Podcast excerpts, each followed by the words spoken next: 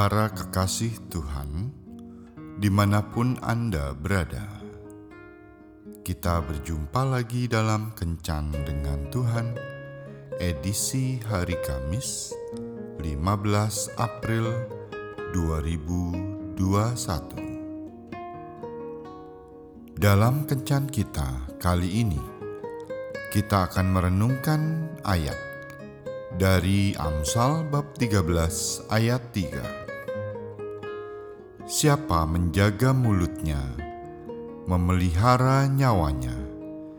Siapa yang lebar bibir akan ditimpa kebinasaan. Sahabat kencan dengan Tuhan yang terkasih. Pada tanggal 18 Oktober 2016,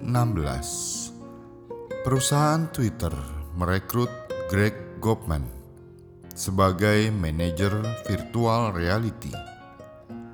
Namun, pada tanggal 20 Oktober 2016, ia dipecat oleh perusahaan tersebut.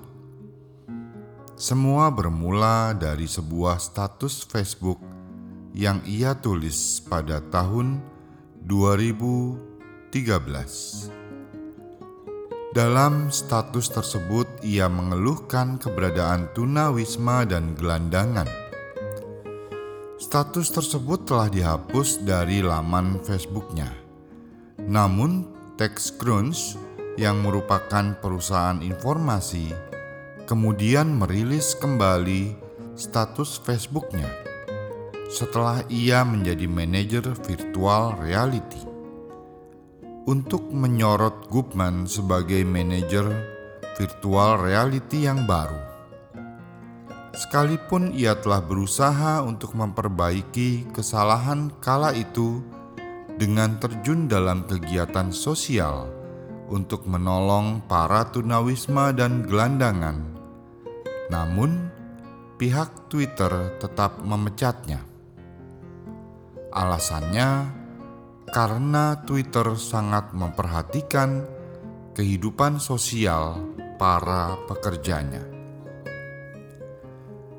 Kita hanya bisa memperbaiki kesalahan, namun tidak bisa menghapus kesalahan di masa lalu. Karena itulah, setiap detik yang harus dilalui dijalani dengan penuh hikmat. Bila kesalahan di masa lalu dapat menghancurkan masa depan, maka kebaikan di masa lalu dapat mencerahkan masa depan. Posisi kepala virtual reality di perusahaan sebesar Twitter adalah sebuah prestasi yang gemilang namun semuanya hilang hanya dalam hitungan dua hari. Prestasi, posisi, dan harta yang seharusnya dapat dinikmati lenyap seketika karena tidak dapat mengontrol kata-katanya di masa lalu. Belajar dari kisah Gopman kita harus lebih bijaksana lagi dalam menjalani kehidupan ini, entah melalui ucapan, sikap, maupun tindakan. Harus selalu berhati-hati. Orang-orang yang melakukan kesalahan sangat mungkin tidak akan menuai kebaikan atas kesalahannya di kemudian hari. Sebaliknya, orang-orang yang melakukan kebaikan sangat mungkin tidak akan menuai kemalangan atas kebaikan yang dilakukannya. Marilah kita menjaga hati dan pikiran kita untuk tetap waspada agar tidak terkecoh dengan situasi sekitar, sehingga membuat kita melakukan tindakan yang merugikan diri sendiri di kemudian hari. Kita memang memiliki Tuhan yang tidak akan mengingat kesalahan di masa lalu. Tetapi selama kita hidup di dunia ini, setiap perbuatan memiliki konsekuensi yang harus ditanggung, sekalipun kita telah menyesalinya.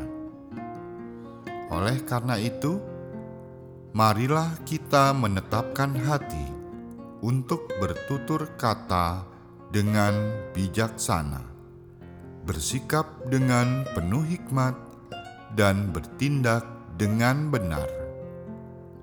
Karena hal itu demi kebaikan diri sendiri maupun orang lain.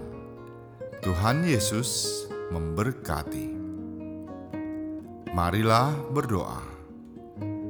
Tuhan Yesus, terkadang karena situasi aku tidak dapat mengontrol sikapku. Mohon ingatkan aku agar tetap menjaga tindakan dan perkataanku. Amém.